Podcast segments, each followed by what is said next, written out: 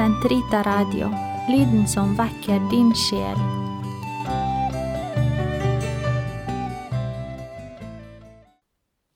Den katolske kirkes katekisme, uke 19, tirsdag, paragraf 309 til 314. Forsynet og det ondes anstøt. Hvorfor eksisterer det onde? Dersom det er så at Gud, den allmektige Fader, har skapt en verden som er ordnet og god, og dessuten tar vare på det han har skapt. Det finnes ikke noe lettvint svar på et slikt spørsmål. Like påtrengende som det er uunngåelig, like smertefullt som det er fullt av hemmeligheter. Det er kristentroen i sin helhet som til sammen utgjør svaret på dette spørsmålet.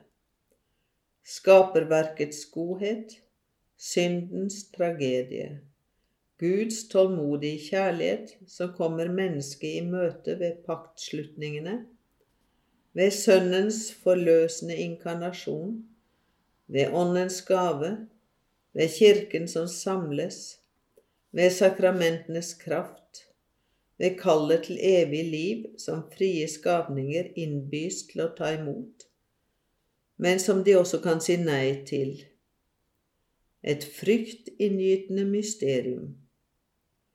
Det finnes ikke den del av det kristne budskap som ikke delvis er et svar på det ondes problem. Hvorfor skapte ikke Gud en verden så fullkommen at intet ondt kunne finnes der? I kraft av sin uendelige makt kunne Gud alltid ha skapt noe som var bedre. Men i sin uendelige visdom og godhet ville Gud fritt skape en verden som er underveis, underveis mot den endelige fullkommenhet. Denne utviklingsprosessen medfører etter Guds plan at visse vesener oppstår, mens andre går under, at det som er mer fullkomment, sameksisterer med det som er mindre fullkomment, at naturen bygger opp samtidig som den bryter ned.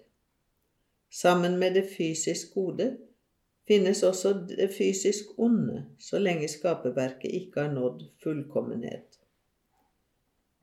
Engler og mennesker, som begge er skapninger med forstand og frihet, skal bevege seg i retning av sin bestemmelse, ved fritt å velge og fritt å foretrekke hva de vil elske. Det betyr at de kan komme på villspor. Så har de da også virkelig syndet. Slik kom det moralske onde inn i verden noe som uten sammenligning er mye alvorligere enn det fysiske onde.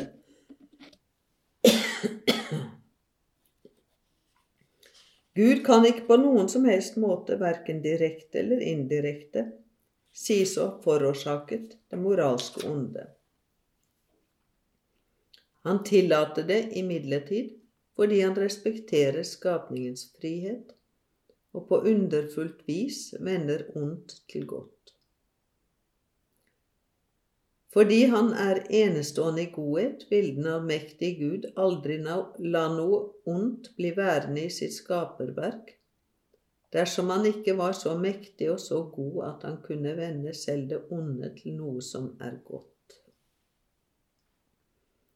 Etter hvert som tiden går, kan man derfor oppdage at Gud, i sitt allmektige forsyn, kan snu følgene av selv et moralsk onde som hans skapninger har begått, til, til noe godt.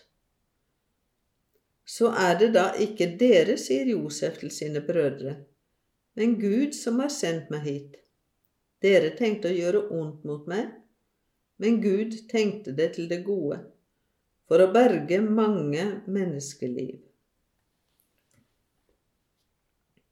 Det største moralske onde som noensinne er blitt begått, nemlig forkastelsen av Guds sønn og mordet på ham, forårsaket av alle menneskers synder, vendte Gud ved sin overveldende nåde til det aller største av alle goder. Kristi herliggjørelse og vår forløsning. Hvilket ikke dermed gjør ondt til godt. Gud er med i alle ting og virker til det beste for dem som elsker ham. Helgenenes vitnesbyrd bekrefter stadig på nytt sannheten i dette. Slik sa Sankta Katarina fra Siena til dem som tar anstøt av det som hender dem, og som blir opprørt av det. Alt springer ut av kjærlighet, alt er rettet mot menneskets frelse. Gud gjør intet uten med dette mål for øye. Og like før han gikk martyriet i møte, trøstet Sankt Thomas More sin datter med disse ordene. Ingenting kan skje uten at det er villet av Gud, og alt det Han vil, så ondt det enn måtte te seg for oss, er allikevel det som for oss er det beste. Si, slik skrev lady Julian av Norwich. Jeg skjønte altså ved Guds nåde at det gjelder å holde fast ved troen, og tro, ikke mindre fast, at alt vil bli godt, og du skal selv se selv at allting blir godt. Thou shalt see thyself that all manner of thing shall be well.